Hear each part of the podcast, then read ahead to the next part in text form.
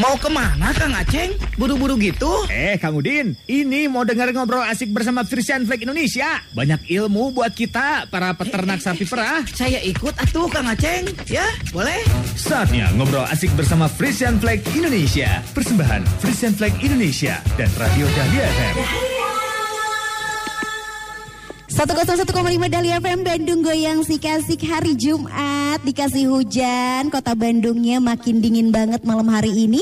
Tapi nggak usah khawatir nih malam hari ini pastinya akan dihangatkan dengan informasi-informasi yang sangat penting sekali terutama untuk kawan peternak semuanya. Seperti biasa setiap hari Jumat dua minggu sekali selalu hadir di Radio Dahlia Radio Buara Frisian Flag Indonesia di mana program ini adalah program pengembangan peternakan sapi perah Indonesia supaya bisa menjadi peternak yang berkualitas, peternak yang sejahtera dan juga menghasilkan susu yang berkualitas supaya peternak dan juga keluarganya sejahtera dong pastinya ya. Hadir lagi kembali bersama dengan Baby Alia, pastinya selalu ada tema yang berbeda. Jadi untuk kawan peternak yang malam hari ini ada di Lembang, Pangalengan, di Jawa Tengah, Jawa Timur, di Kuningan, di semua penjuru Indonesia yang sedang pantengin via radio maupun via Zoom ataupun via streaming. Baby Alia ucapkan selamat malam, mudah-mudahan malam hari ini dalam keadaan sehat walafiat walafiat terus juga mudah-mudahan dalam keadaan susu yang dihasilkan oleh sapi ternaknya itu bisa berlimpah dan juga berkualitas pastinya ya. Untuk tema malam hari ini juga sangat penting untuk disimak untuk kawan peternak semuanya. Tema hari ini mengenai kapan saja sapi perlu minum dan juga berapa banyak minum yang diperlukan oleh sapi. Ini penting sekali untuk dibahas apalagi untuk teman-teman semuanya yang sering melupakan satu hal yang penting yaitu air minum untuk sapi perahnya. Untuk kawan peternak semua yang memberikan pertanyaan seputar tema kita malam hari ini ataupun seputar peternakan bisa langsung WhatsApp aja ke Radio Dahlia FM di 0811 222 1015 ya. Seperti biasa Baby Alinya nggak sendirian untuk membahas tema penting kita malam hari ini tapi sudah terhubung juga dengan kita via Zoom. Ini ada Kang Samsul Arifin selaku di DP Supervisor Jawa Barat PT Fresh Flag Indonesia. Wilujeng Wengi Kang Samsul. Wilujeng Wengi, Teh Alia, apa kabar? Alhamdulillah sehat, Kang Samsul juga kabar baik malam hari ini. Alhamdulillah, baik-baik. Siap, Kang Samsul boleh disapa dulu nih kawan peternak yang sedang dengerin lewat radio ataupun yang ada via Zoom, mangga? Ya, Wilujeng Wengi, selamat malam semuanya. Peternak sapi perah di Lembang, Pangalengan, Kuningan, Jawa Tengah, Jawa Timur, sepertinya juga ada ini. Cukup banyak juga dari Kuningan. Karena kita mengundang narasumber Kuningan ya alhamdulillah. Ada pengurus-pengurus juga dan manajemen Kuningan. Selamat malam semuanya. Iya, bener banget nih apa kata Kang Samsul. Kalau malam hari ini juga kita kedatangan tamu spesial. Ini dari Kuningan ya. Ini merupakan peternak muda dari KPSP Saluyu Kuningan yang malam hari ini siap berbagi pengalaman dengan kita semua. Ada Kang Romi Febrianur. Selamat malam Kang Romi. Halo, selamat malam. Wengi. Hmm, Kang Romi boleh disapa peternak yang lainnya, terutama yang ada di Kuningan ataupun yang di Jawa Barat juga nih yang lagi pantengin lewat radio, silakan. Buat peternak Kuningan, selamat malam.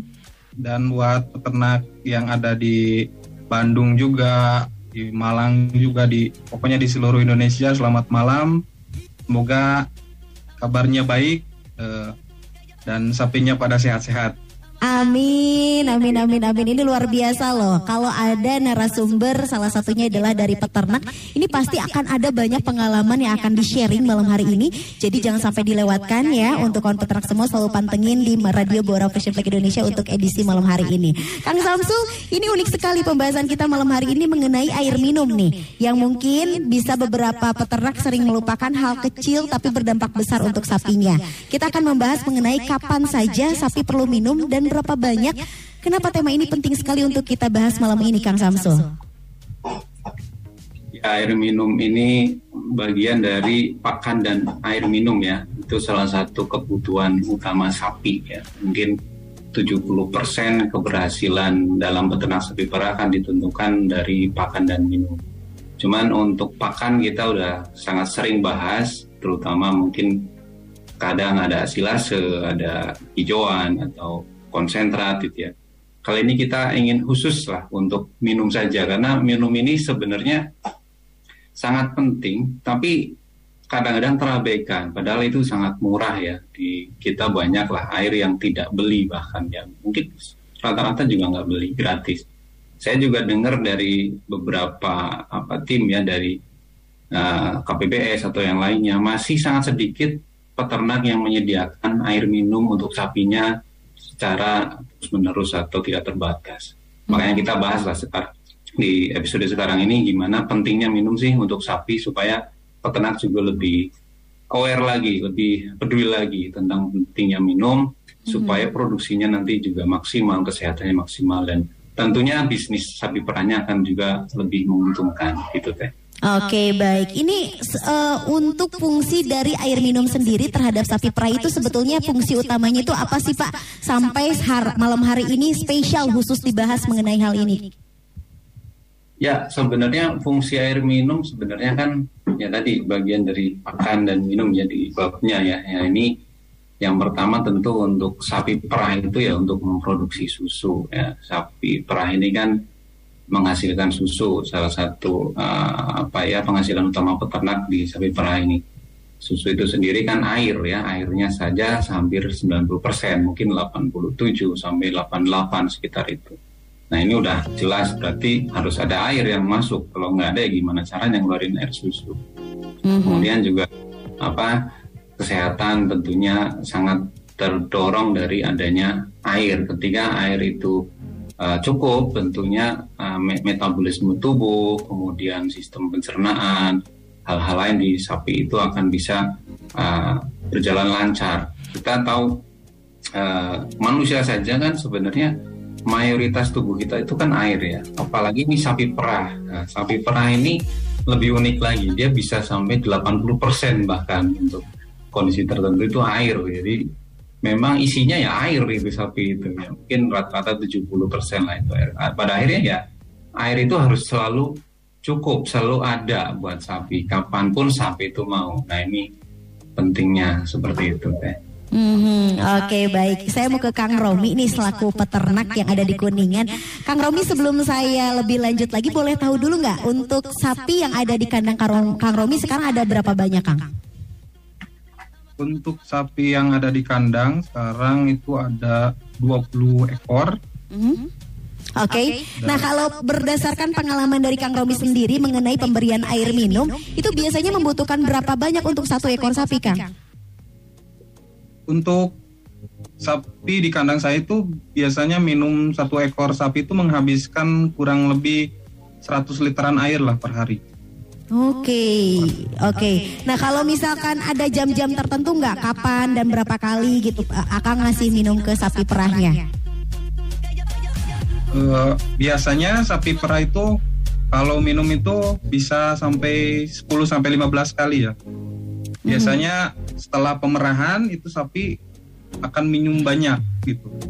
Hmm. Terus pada siang hari biasanya sapi juga minum Terus setelah diberi konsentrat itu sapi biasanya suka minum. Mm-hmm. Oke, okay. baik. Kang Samsul ada yang mau ditambahkan ini mengenai timeline ataupun jadwal pemberian air minum kepada sapi. Apakah ada jadwalnya? Apa harus selalu tersedia, Kang Samsul? Ya, setiap sapi punya ciri khas sendiri-sendiri, punya kebiasaan masing-masing. Tapi secara rata-rata sapi akan minum lebih dari tujuh kali. Bahkan ada yang sampai 15 kali ya tadi kata Romi juga. Sekali jadi tapi itu sangat sering minum sebenarnya. Jadi kalau tujuh kali aja sudah dipastikan kalau yang ngasihnya hanya dua kali sehari misalkan pagi dan sore ya udah ketahuan ya sangat kurang ya. Karena sapi itu juga mungkin harus minum di siang hari haus ya sore haus malam pada saat kita lagi tidur atau peternak lagi tidur dia merasakan haus. Tapi ketika tidak disediakan bagaimana caranya dia bisa terpenuhi rasa hausnya? Seperti itu. Nah ini juga ada kaitannya nanti dengan uh, fungsi-fungsi air minum. Pada kondisi tertentu sapi juga bisa butuh minum lebih banyak. Contohnya di kita kan uh, iklimnya uh, panas ya di Indonesia. Sapi ketika kondisinya panas atau cuacanya panas itu dia akan butuh minum lebih banyak lagi. Pada akhirnya ya solusi terbaik adalah menyediakan air terus menerus kapan pun sapi mau karena kita tidak tahu kapan sapi butuh minum gitu ya hmm. bahkan tadi juga Kang Romi bilang 100 liter ya betul. Ketika sapi perah dengan produksi tinggi bisa 100 liter bahkan lebih. Tapi, tapi ketika sapinya kering misalkan tidak diperah ya mungkin kurang dari 50 liter gitu. Hmm, Oke, mungkin nanti Kang Romi akan menjelaskan pengalamannya lebih lanjut bagaimana caranya supaya sapinya mau minum gitu ya. Terus juga ada perubahan apa ketika sapinya selalu tersedia air minum gitu ya. Makanya untuk kawan peternak jangan ke mana-mana, pantengin terus Radio Bora Fresh Flag Indonesia. Nanti Baby Ali akan kembali tetap di 101,5 Dahlia FM. Prung ah, go go go, goyang. 101,5 Dahlia FM. Dahlia FM. Dahlia FM. 101,5 Radio Dahlia FM. Radio nomor 1 satu, satu, di Bandung. Masih di Radio Bawara Fresh Flag Indonesia Masih bersama Baby Alia dan juga bersama dengan narasumber-narasumber yang begitu luar biasa malam hari ini. Kita masih membahas seputar kapan saja sapi perlu minum dan berapa banyak. Ini penting sekali untuk disimak untuk kawan peternak semua. Dan nanti di akhir acara juga kita akan ada kuis interaktif persembahan dari Fresh Flag Jadi nanti untuk warga Dahlia siap-siap saja telepon di 73028 atau di 7311710 nya ya. Kita akan lanjutkan pembahasan kita tadi. Pertanyaan yang masuk juga sudah banyak sekali lagi dari kawan peternak di 0811 222 1015 nya ya. Ini eh, saya masih terhubung dengan Kang Samsul dari Frisian Flag dan juga Kang Romi selaku peternak muda dari KPSP Saluyu Kuningan. Kang Romi, tadi saya sudah janji sama kawan peternak semua pengen nanya satu hal yang penting sekali ya. Untuk Kang Romi sendiri boleh dijelaskan nggak lebih detailnya lagi gimana caranya Akang melakukan supaya sapi-sapi Akang ini mau minum gitu dan juga bisa minum banyak sesuai dengan kebutuhannya. Apakah ada cara-cara khusus yang dilakukan sama Kang Romi di kandang? Baik, untuk di kandang saya biasanya dengan cara membersihkan eh, bak airnya itu sesering mungkin. Jadi si sapi itu suka dengan air yang bersih dan segar itu. Terus air minumnya dikasih secara ad libitum. Jadi secara 24 jam itu air terlalu tersedia seperti itu. Mhm. Oke, Kang Romi bisa mendengar suara saya? Bisa ya. Oke. Boleh dilanjutkan Kang Romi kalau keuntungan yang akan rasakan dengan kondisi selalu tersedia air minum di kandang itu keuntungan untuk Akang sendiri baik untuk sapi perahnya juga seperti apa Kang? Untuk keuntungan eh, dari kesehatan sapi itu lebih terjaga. Yang minumnya itu banyak, eh, produksinya produksi susunya optimal, maksimal gitu. Terus sama efisiensi waktu dan tenaga dari itu. Mhm. Oke baik ya, Kang boleh diceritakan nggak ini kan sama kawan peternak yang ada di Lembang, Pangalengan ataupun yang tidak tergabung via Zoom eh, lewat eh, Zoom. Eh, kondisi pemberian air minum Akang pada saat zaman dulu yang pada saat dulu itu adalah secara manual dan sekarang sudah lebih praktis lagi. Itu boleh diceritakan nggak seperti apa pemberian air minumnya dan perbedaan yang dirasakan itu seperti apa Kang? Ya dulu eh, sebelum beralih ke air minum otomatis, saya memberikannya secara manual gitu. Jadi kalau satu sapi eh, biasanya menghabiskan 3 ember air, gitu kan? Atau 30 liter air. Sedangkan sapi itu minum sehari 100 liter. Jadi saya harus menyediakan atau menimba air 3 ember per sapi per sekali minum. Itu akan menguras eh, waktu dan tenaga saya. Tapi ketika saya beralih ke air minum otomatis eh, itu terasa sekali di eh, tenaga dan waktu. Terus sapi akan lebih sehat dan kesehatannya terjaga seperti itu. Hmm, oke baik ya. Kang Samsul, ini juga menjadi pertanyaan dari kawan peternak semua kan kalau misalkan tadi Kang Romi, alhamdulillah untuk pemberian air kepada sapi perah sudah berjalan secara otomatis. Tapi ada juga beberapa peternak yang mengeluhkan kadang sapi itu bisa minum banyak tapi kadang nggak mau minum. Itu faktornya biasanya apa sih Kang? Ya sebenarnya faktor sapi itu untuk minum masuk jumlahnya itu uh, ada beberapa ya. Jadi memang yang pertama ada berat tubuh tentunya. Semakin sapi semakin besar ya semakin banyak uh, kebutuhan minumnya. Semakin uh, yang kedua produksi susu. Semakin susunya banyak tentu uh, kebutuhan minumnya juga akan semakin banyak juga. Terus juga cuaca atau suhu ya suhu lingkungan dan kelembaban semakin panas tentunya sapi akan minum lebih banyak juga. Nah, karena fungsi dari minum air itu juga untuk mendinginkan tubuh, menjaga suhu tubuh. Jadi ketika kepanasan dengan minum air dia akan bisa menjaga tetap suhunya di, di optimal ya. Karena sapi kalau sudah kepanasan dia kena heat stress namanya atau stres panas itu akan banyak faktor uh, pengaruhnya ya termasuk ke produksi susu bisa menurun. Jadi kalau misalkan sapinya uh, kelihatan ngos-ngosan kayak gitu itu ciri-ciri sapi heat stress, dia gelisah, tidak mau rebahan, tentu susu juga tidak bisa diproduksi dengan uh, optimal. Nah lanjutkan ke masalah tadi, kenapa si sapi kadang tidak mau minum banyak?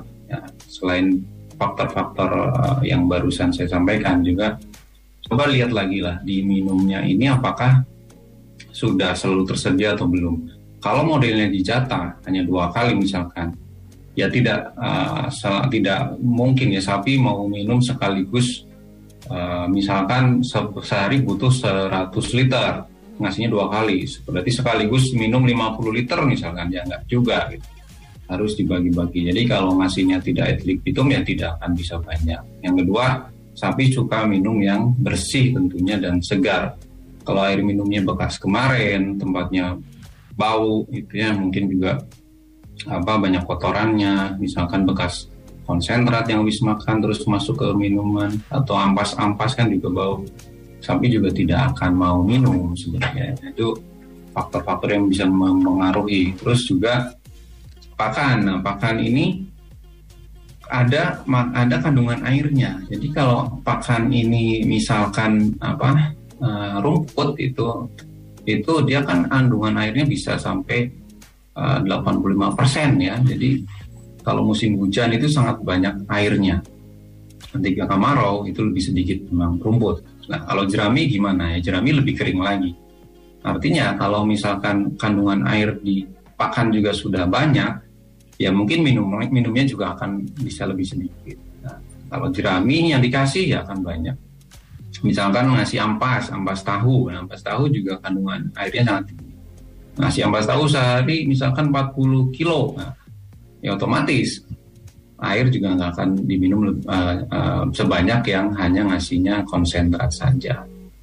Nah, terus faktor-faktor lain yang mungkin Nah tadi produksi susu uh, kita bisa anggaplah ini saya juga dengar dari uh, ahli kemarin siapa namanya ya kalau nggak salah Flor ya ahli dari uh, pusat di Belanda sana katanya satu liter susu membutuhkan 4 liter air ya kalau produksinya 20 liter ya otomatis 80 liter airnya gitu harus dipenuhi.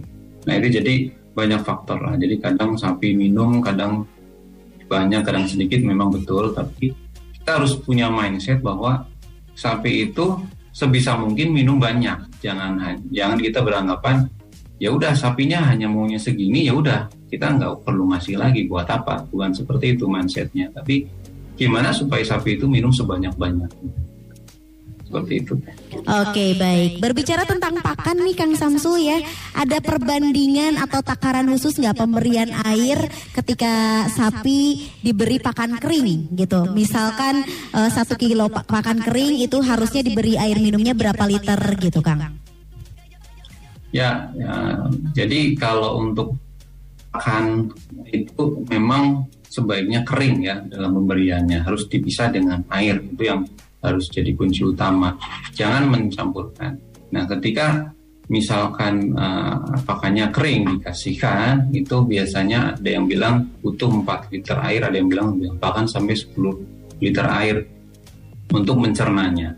ya mungkin mencerna 10 liter ini di, di, di perutnya ya atau di rumennya ya, mungkin seperti itu. Nah jadi kalau tentunya kalau misalkan kita mau berasumsi-asumsi tadi saya bilang setiap sapi bisa beda-beda. Makanya cara yang paling ideal adalah dengan menyediakan ada terus dan selalu segar dan bersih supaya sapi juga uh, tahu kapan dia harus minum dan kapan tidak sesuai dengan apa yang dia makan juga seperti itu.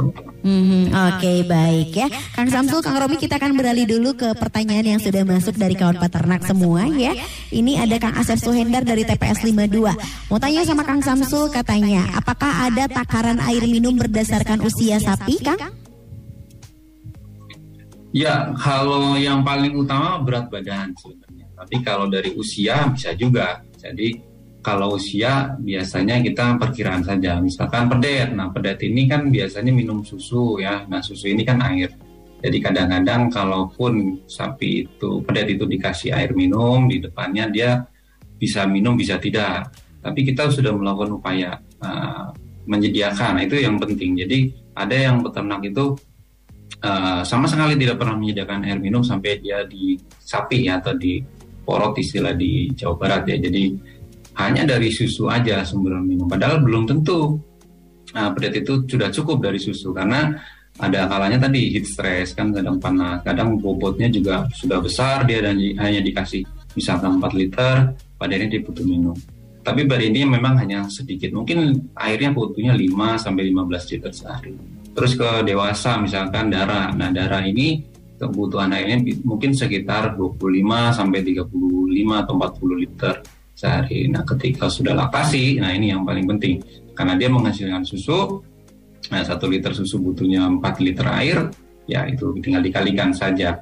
Nah, bagaimana dengan kering kandang? Nah, kering kandang juga dia kan ada masa-masa ya posisi dia sudah besar lebih besar wadahnya rumennya lebih besar dan ada ada juga di dalamnya gitu ya itu biasanya juga kebutuhannya lebih banyak daripada uh, darah ya jadi sekitar mungkin 40 sampai 50 liter air bisa tapi memang tetap jauh lebih uh, rendah daripada yang laktasi kebutuhannya. Nah, balik lagi tadi ke yang sebelumnya juga kadang-kadang kalau kering kandangnya dikasihnya rumput hijau itu juga mungkin sudah cukup banyak dari situ dan kadang-kadang sapinya juga atau sapi kering kandang ini tidak tidak minum lagi bisa juga apalagi kondisinya lagi dingin kayak sekarang ya mungkin musim hujan seperti ini mungkin juga tidak minum banyak kelihatannya tapi nggak apa-apa yang penting kita selalu menyediakan air minum di depannya itu yang paling penting Mhm, Oke, kalau dari Kang Romi berdasarkan pengalaman di lapangan, Kang, apakah Kang Romi juga memperlakukan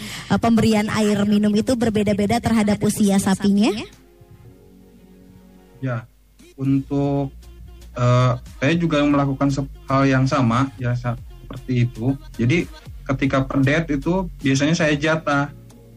Biasanya dijatah itu per hari itu hanya eh, 3 liter saja gitu. Tapi ketika udah mulai jadi darah itu udah mulai eh, di 24 jam itu saya kasih minum gitu. Jadi otomatis Oke, baik. Mudah-mudahan itu juga bisa menjadi eh, ilmu yang bermanfaat untuk kawan petak semua ya. Barusan peng- berdasarkan pengalaman Kang Romi ya. Oke, terus juga ketemuan sama Kang Kurniawan dari KPSDU Lembang dari TPK Cilumber. Mau tanya, apakah dapat berpengaruh ketika sapi mencret terus dikasih air minum banyak? Terima kasih, Kang Samsul terlebih dahulu mungkin yang akan menjawab, Mangga. Ya, sapi mencret ini art- artinya kan sapi itu mengeluarkan cairan ya atau air dari tubuhnya. Nah, sapi ini sebenarnya eh, tadi dia harus ada keseimbangan tubuhnya dari sisi komposisi air. Taruhlah tadi 70%. Ketika mencret, misalkan dia juga tidak mau minum, dia akan kehilangan banyak cairan sehingga bisa terjadi dehidrasi istilahnya ya.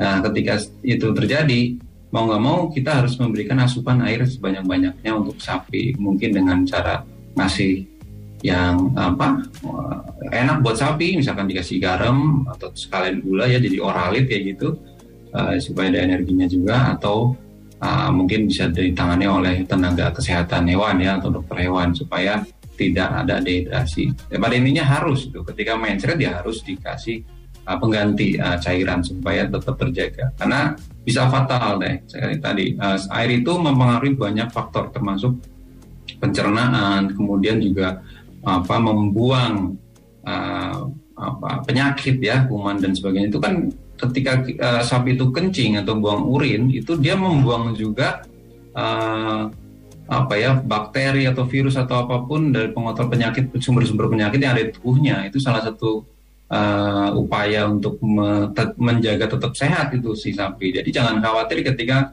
ah sapi saya ketika dikasih minum kok jadi kencing terus ini uh, takut juga eh salah padahal ketika kencing terus justru sapi akan lebih sehat karena dia juga membuang eh, penyakit-penyakit uh, tadi dan mungkin juga ketika dia lagi sakit kayak diare atau yang lain juga pemulihannya akan lebih cepat seperti itu. Oke baik. Menyambung dari penjelasan Kang Samsul Ini juga ada pertanyaan yang masih berhubungan ya. Katanya mau tanya apakah air ditambah garam Itu bagus diminum oleh sapi setiap hari Atau lebih baik air putih saja? Kalau memang itu bagus Ada berapa perbandingan air dan juga garam yang harus diberikan? Katanya Kang Samsul. Ya, memang air garam. Garam ini kan mineral ya, dan di situ ada NaCl ya, kandungan mineral. Nah, ini juga kebutuhan makro mineral untuk sapi, kebutuhan juga untuk sapi ketika uh, kita bisa memberikan garam ya itu bagus juga buat sapi. Sapi juga bisa lebih sehat kalau yang perdet mungkin bisa pertumbuhannya lebih baik ketika diberikan uh, mineral yang cukup. Nah garamnya itu harus berapa? Ini, ini ada beberapa uh, sumber ya yang mengatakan, tapi maksimal untuk sapi perah itu bisa sampai 150 gram bahkan boleh. Mungkin idealnya 100 gram itu uh, bisa lah ya atau sekitar 4 sendok mungkin ya sekitar itu. Itu per hari itu boleh dikasih. Tapi juga tidak boleh terlalu banyak karena nanti juga akan berpengaruh ke uh, kesehatan yang lain seperti susah bunting dan lain-lain katanya. Jadi ini memang pembahasannya harus dokter hewan kalau sudah sampai ke uh, susah bunting dan lain-lain. Tapi sedikit gambarannya seperti itu. Harus uh, cukup uh, dan tidak boleh berlebihan. Kalau mau ngasih bagus, tapi tidak boleh berlebihan. Dan mungkin lebih ideal lagi pemberian garam itu tidak dicampur air karena takut nanti jadi kebanyakan atau kurang ya. Kan yang diminum berapa banyak kan nggak tahu ya. Apalagi sistem otomatis kan malah lebih susah lagi. Jadi yang banyak diterapkan di peternak modern itu dengan memberikan mineral block ya. Isinya isinya itu garam biasanya garam campur kalsium fosfat biasanya di situ ada juga kadang kandungan magnesiumnya atau yang lain ya. Jadi ada NaCl ada kalsium ada magnesium isinya. Itu ada kalium ya biasanya di garam kan ada. Nah itu lebih baik lagi di, diberikan terpisah. Jadi biasanya mineral block ya. Jadi nanti sapi akan menjilat. Nah menjilat itu lebih baik. Jadi dia sesuai kebutuhan. Kalau dicampur ke konsentrat Nah ini kan otomatis mau nggak mau dimakan semua dan sebenarnya butuhnya seberapa nggak tahu. Nah kalau dipisah, nah sapi akan tahu nih dia butuh nih berarti dia akan jilat. Nah katanya setiap uh, sebulan itu mungkin bisa bisa dua kiloan lah ya, sekitar dua kilo uh, mineral block itu habis uh, per ekornya.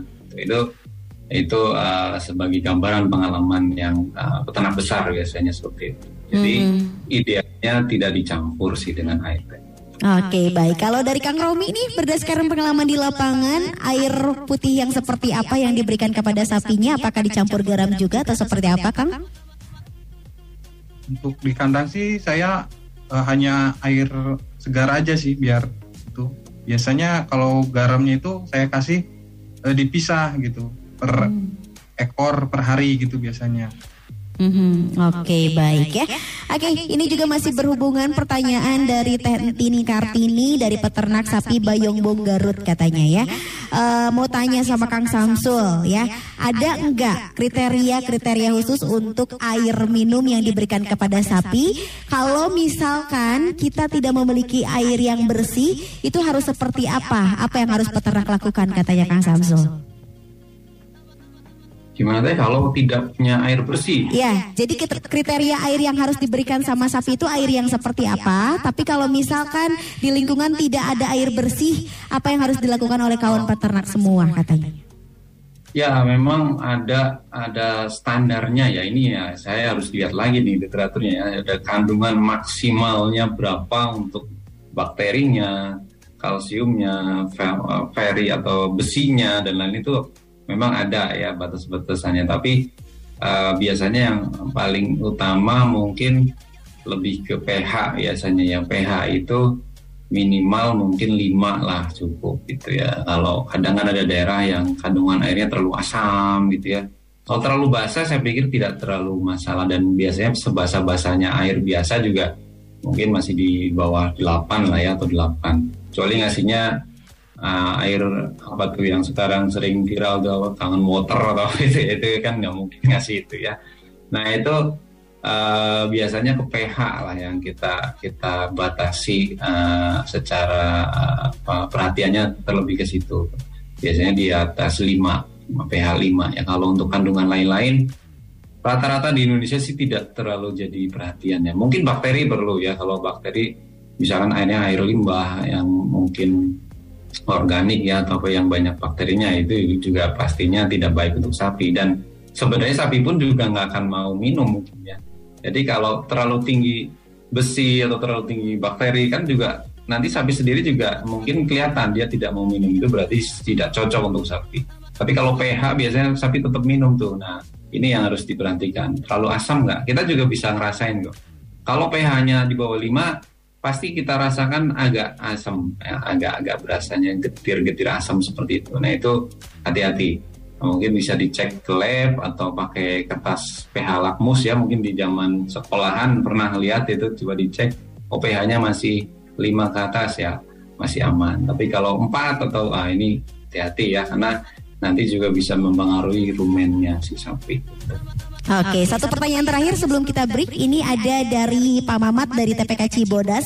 Mau tanya katanya, ada eh, aturan khusus nggak pemberian minum terhadap pedet untuk awal pemberian itu di umur berapa hari atau berapa minggu katanya. Terus juga berapa takaran air minum yang harus diberikan. Kang Samsul, mangga?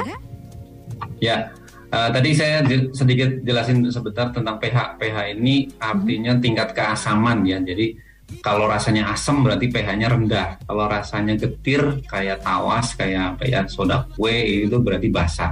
Takutnya uh, nanti bingung ya seperti itu. Nah ke pedet. Nah kalau pedet itu idealnya sebenarnya dikenalkan air itu sejak eh, awal dia tidak diberi kolostrum ya sebenarnya berarti di umur 4 hari pun sudah bisa dikenalkan. Sapi atau pedet ini juga tidak akan langsung minum sebenarnya, tapi dia akan mulai mengenali. Nah kalau di awal mulai memberikan bisa dijatah, ya, misalnya kayak yang Romi tadi kasih sedikit dulu nih buat pengenalan, karena pedet kan agresif ya mencari susu, dikasih dulu takutnya dia kebanyakan, coba dia udah tahu oh ini uh, baunya, warnanya, bentuknya, oh ini air.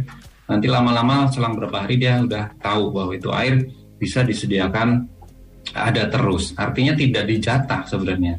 Itu bisa bisa dilakukan. Jadi kapan pun pedet mau minum air itu ada di situ itu boleh.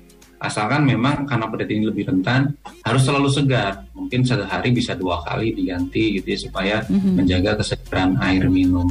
Jangan khawatir pedet itu uh, akan minum kebanyakan tidak. Ya tadi hanya di awal saja ketika dia belum mengenali bahwa itu adalah air. Nah sistemnya kayak gimana? Jangan digabungkan dengan uh, sapi dewasa kayak misalkan kayak uh, tadi di video kan saling tersambung antar tempat minum. Nah, mohon maaf ini yang di zoom ya. Nanti juga ada videonya Kang Romi yang di, yang di zoom. Uh, itu uh, nanti bahaya karena nanti uh, si air minum akan tercampur dengan dewasa. Jadi dibuatlah terpisah misalkan dengan uh, apa uh, ember kecil atau apa yang dia khusus untuk pedet itu sendiri. Nah, tapi kalau misalkan uh, takut, ya, janganlah umur 4 hari udah dikasih. Rata-rata yang sudah mencoba di uh, peternak yang ikut program, termasuk Kang Romi juga ikut, ikut program kita, itu uh, setelah satu minggu atau dua minggu mereka mencoba dan tidak ada masalah. Mungkin bisa ditanyakan di kalau kamu Pak Mamat di daerah Cibodas Arang ya kalau nggak salah itu ada Kang Entis, Kang Entis yang masih muda itu ikut program coba tanya atau Kang Ade atau siapa yang mungkin daerah sana itu coba ditanya atau di Cibodas yang satu lagi itu ada Kang Rahmat itu juga sudah mencoba memberikan air minum sejak kalau nggak salah satu atau dua minggu lah sejak umur dan bisa ditanyakan. Karena sapi pedet juga nanti dia harus mulai makan konsentrat supaya nanti rumennya terbangun dengan baik. Kalau hanya susu, rumennya tidak akan mendevelop atau ibunya terbangun supaya dia makan nanti ke depannya konsentrat dan rumput itu tidak baik. Ketika sudah ada konsentrat masuk, mau nggak mau harus ada air minum masuk. Nah, tapi kalau hanya susu saja, memang kadang kala tidak perlu air karena kan hanya hanya susu yang dia minum ya. Tapi kalau ada, ada konsentrat dia makan, ya bedetnya juga harus ada ada air minumnya gitu. Hmm, Oke baik. Terima kasih Kang Samsul untuk penjelasannya luar biasa sekali ya. Untuk kawan peternak jangan ke mana-mana. Yang ada di Zoom juga jangan ke mana-mana dulu. Kita akan break sejenak tetap di Radio Buara Fresh Play Indonesia. 101,5 Radio Dahlia FM Radio nomor 1 1 di Bandung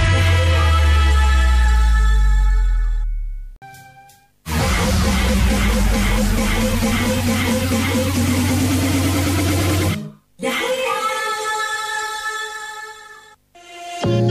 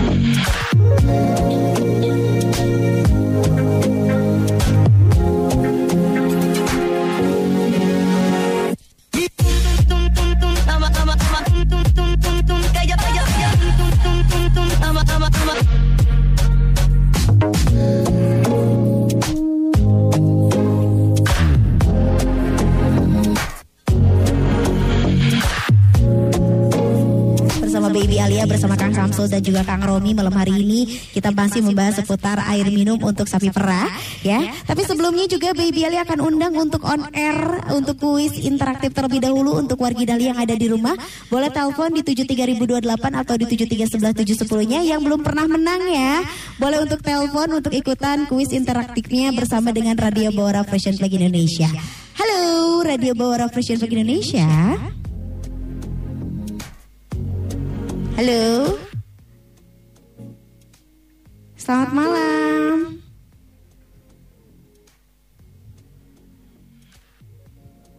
Sama siapa ini? Halo. Oke, boleh dicoba lagi ya di 73028 atau di 7311710 kalau teleponnya sudah diangkat langsung bersuara ya. Ada siapa ini? Halo Radio Bawara Fashion Flag Indonesia. Asik atuh. Sama siapa ini? Arpan Bojong Kacor. Siapa? Ibu Arpan Bojong Kacor. Oh Ibu Arpan, oke. Pertanyaannya gampang sekali ya. Sebutkan salah satu keuntungan kalau sapi perahnya minumnya tercukupi. Minumnya berapa liter gitu? Ente. kalau sapi perah minumnya tercukupi, nanti keuntungannya apa? Keuntungannya kesehatannya tetap terjaga. Dan Terus, produksi susunya maksimal. oke produksi susu sapinya maksimal. Betul apa betul ini Kang Samsul jawabannya? Aw, Oh, Betul, baik ya. Selamat ya Bu Arpan, hadiahnya bisa diambil ke Radio Dahlia di jam kerja ya. ya. Panteng radio. Pantang Dahlia, enak-enak ragamnya. Dahlia Prung A, go go go, goya. Oke baik. Ya wargi Dahlia juga pada nyimak di rumah ini ya. Dan pastinya juga jangan lupa untuk selalu mengkonsumsi susu sapi segar ya. Salah satunya ada di eh, susu Frisian Plague ya pastinya. Untuk kawan peternak semua juga yang ada di rumah yang sudah bertanya ini terima kasih banyak pertanyaan yang masuk sudah banyak sekali. Cuman karena kita keterbatasan waktu ya nanti pertanyaan yang sudah masuk via WhatsApp tidak usah khawatir nanti kita akan jawab via chat chat langsung dari WhatsAppnya Bewara Frisian Flag Indonesia ya. Kang Samsul dan Kang Romi mungkin kita ada di penghujung acara untuk tema kita malam hari ini mengenai pemberian air minum untuk sapi perah, ketersediaan dan juga kapan pemberiannya. Kesimpulan terakhir yang mau disampaikan dari Kang Samsul terlebih dahulu silahkan. Ya saya agak panjang kali ya saya. Uh, Boleh. mungkin yang pertama bahwa uh, tadi saya bilang uh, air minum sebaiknya dipisah dengan konsentrat.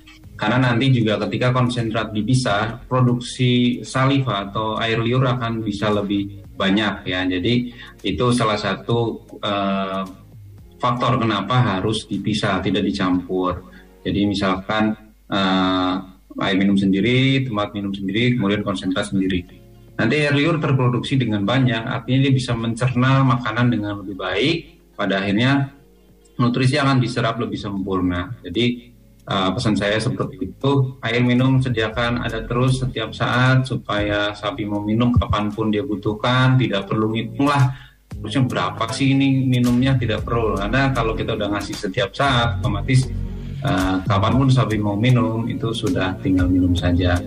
Kemudian faktor-faktor lain kita juga harus perhatikan seperti keseimbangan pakan. Jadi harus rumput dulu kita selalu ingatkan selalu uh, gaungkan juga sebelum konsentrat kemudian juga kasih selalu uh, lebih banyak rumput dibanding konsentrat dan ampas. Jangan hanya uh, kita mikirnya supaya genjot produksi kasih ampas sebanyak-banyaknya tanpa memperhatikan uh, rumput.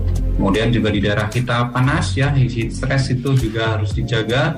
Kondisikan sapi bisa minum uh, secara banyak supaya menjaga suhu tubuhnya dan juga kandang yang memadai. Artinya ventilasi udara itu sangat terbuka. Jadi kapan pun uh, udara bisa mengalir dengan dengan sempurna. Jadi tidak ter, tertahan di dalam kandang sehingga sapi menjadi kepanasan. Mungkin juga kita harus ingat bahwa uh, sapi itu butuh kenyamanan untuk terbahan, berdiri dan lain-lain. Karena kalau sapinya sulit berdiri maupun rebahan, kalau dia pengen minum, kan tadi saya bilang minimal tujuh kali sehari. Kalau misalkan sapinya mau berdiri aja susah, ya dia malas juga mau minum sebanyak itu gitu ya. Jadi buat sapi itu nyaman ketika mau rebahan berdiri dengan kandang yang yang memadai, mungkin dengan alas yang baik, lantainya kering, tempat pakan tidak terlalu tinggi, dan juga tali ya. Kadang kalau saya lihat di daerah Jawa terutama Jawa Tengah atau Jawa Timur itu pakai keluh juga, terus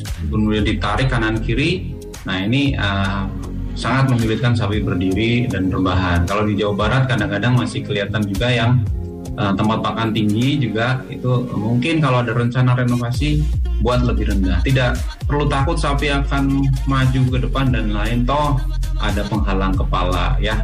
Ya seperti itulah teh banyak faktor sebenarnya yang kita bisa bahas lagi ke depannya di edisi, eh, edisi berikutnya kita masih ada Betul. Lima kali lagi kayaknya ya untuk sampai akhir tahun ini. Nah, Saya tetap jadi panitianya juga. Dan pastinya Sekali nanti juga tema-tema ya. berbeda lagi ya Kang ya pastinya Nah, untuk dan- menambah wawasan dan kawan tetap peternak semangat semua. juga dengan PMK yang insya Allah uh, saat ini sudah mereda dan semoga semoga tidak ada lagi lah ke depannya dan kita bisa bahas lagi untuk uh, topik-topik yang lebih sifatnya teknis atau santai tidak melulu tentang PMK. Nah, Betul. kemarin kita berapa kali ini PMK terus ya. Hampir Dan- lima episode ya. Oke baik. Nah kalau dari Kang Romi nih selaku peternak muda ya dari KPSP Saluyu Kuningan yang sudah berhasil menerapkan pemberian air minum kepada sapi perah. Kesimpulan terakhir yang mau disampaikan untuk rekan-rekan se eh, kawan peternak yang lainnya apa Kang? Hmm, Dari saya sih eh, usahakan air minum selalu tersedia ya untuk sapinya agar eh, kesehatannya terjaga dari eh, apa penyakit-penyakit yang bisa membahayakan. Terus untuk peternak sih eh, semangat ya menghadapi apa eh, PM yang sudah mengalami PMK gitu kan. Lebih semangat lagi gitu karena eh, insya Allah PMK sudah selesai lah insya Allah. Amin amin. Itu aja sih. Dan ada satu fakta menarik yang tadi kita dibahas di off air, Kang Romi ini merupakan salah satu peternak yang sapinya tidak terkena PMK pada saat kemarin karena selalu disiplin itu tadi menerapkan pola pemberian pakan yang baik, pemberian air minum yang baik kepada sapinya. Betul ya Kang Romi ya? Ya, betul. Alhamdulillah. Kalau begitu mudah-mudahan pengalaman Kang Romi ini bisa diterapkan juga untuk kawan peternak semuanya ya. Untuk bisa menjadi peternak yang berhasil, sukses, sejahtera dan bisa menghasilkan kualitas susu yang baik pastinya ya. Kang Romi, Kang Samsul terima kasih banyak untuk waktunya malam hari ini. Mudah-mudahan selalu dalam keadaan sehat semuanya. Salam untuk keluarga semuanya ya. Baik. Baik itu dia tadi obrolan Baby Alia di Radio Bora Fresh Flag Indonesia untuk edisi hari Jumat malam ini dan pastinya jangan lupa tunggu kehadiran kita kembali di dua minggu yang akan datang di tanggal 21 Oktober 2022. Semua hal yang disampaikan oleh narasumber ini telah dilakukan oleh banyak peternak dengan hasil yang baik. Jadi tinggal bagaimana peternak Indonesia berani dan mau mencobanya. Lakukan perubahan secara bertahap karena ingat kesuksesan itu butuh pengetahuan dan juga keberanian. Jangan lupa juga selalu mendengarkan Radio Bora Fresh Flag dan juga membaca tabloid Bawara dan juga mendengarkan siaran ulang Radio Bawara melalui aplikasi Spotify di podcast Bawara Frisian Flag. Baby Alia pamit undur diri terlebih dahulu. Terima kasih, sehat selalu untuk kawan peternak, sukses selalu. Panteng Radio, panteng Dahlia, prung ah, go go go, goyah. Kang Udin, Kang Udin. Mo. Kang Udin mah, hayu atuh Kang pulang. Ngobrol asik bersama Frisian Flag Indonesia nya udahan. Terus gimana tuh saya? Tenang, ngobrol asik barengan Frisian Flag Indonesia bakalan balik lagi tiap hari Jumat dua minggu sekali. Persembahan Frisian Flag Indonesia dan Radio Dahlia FM. Dahlia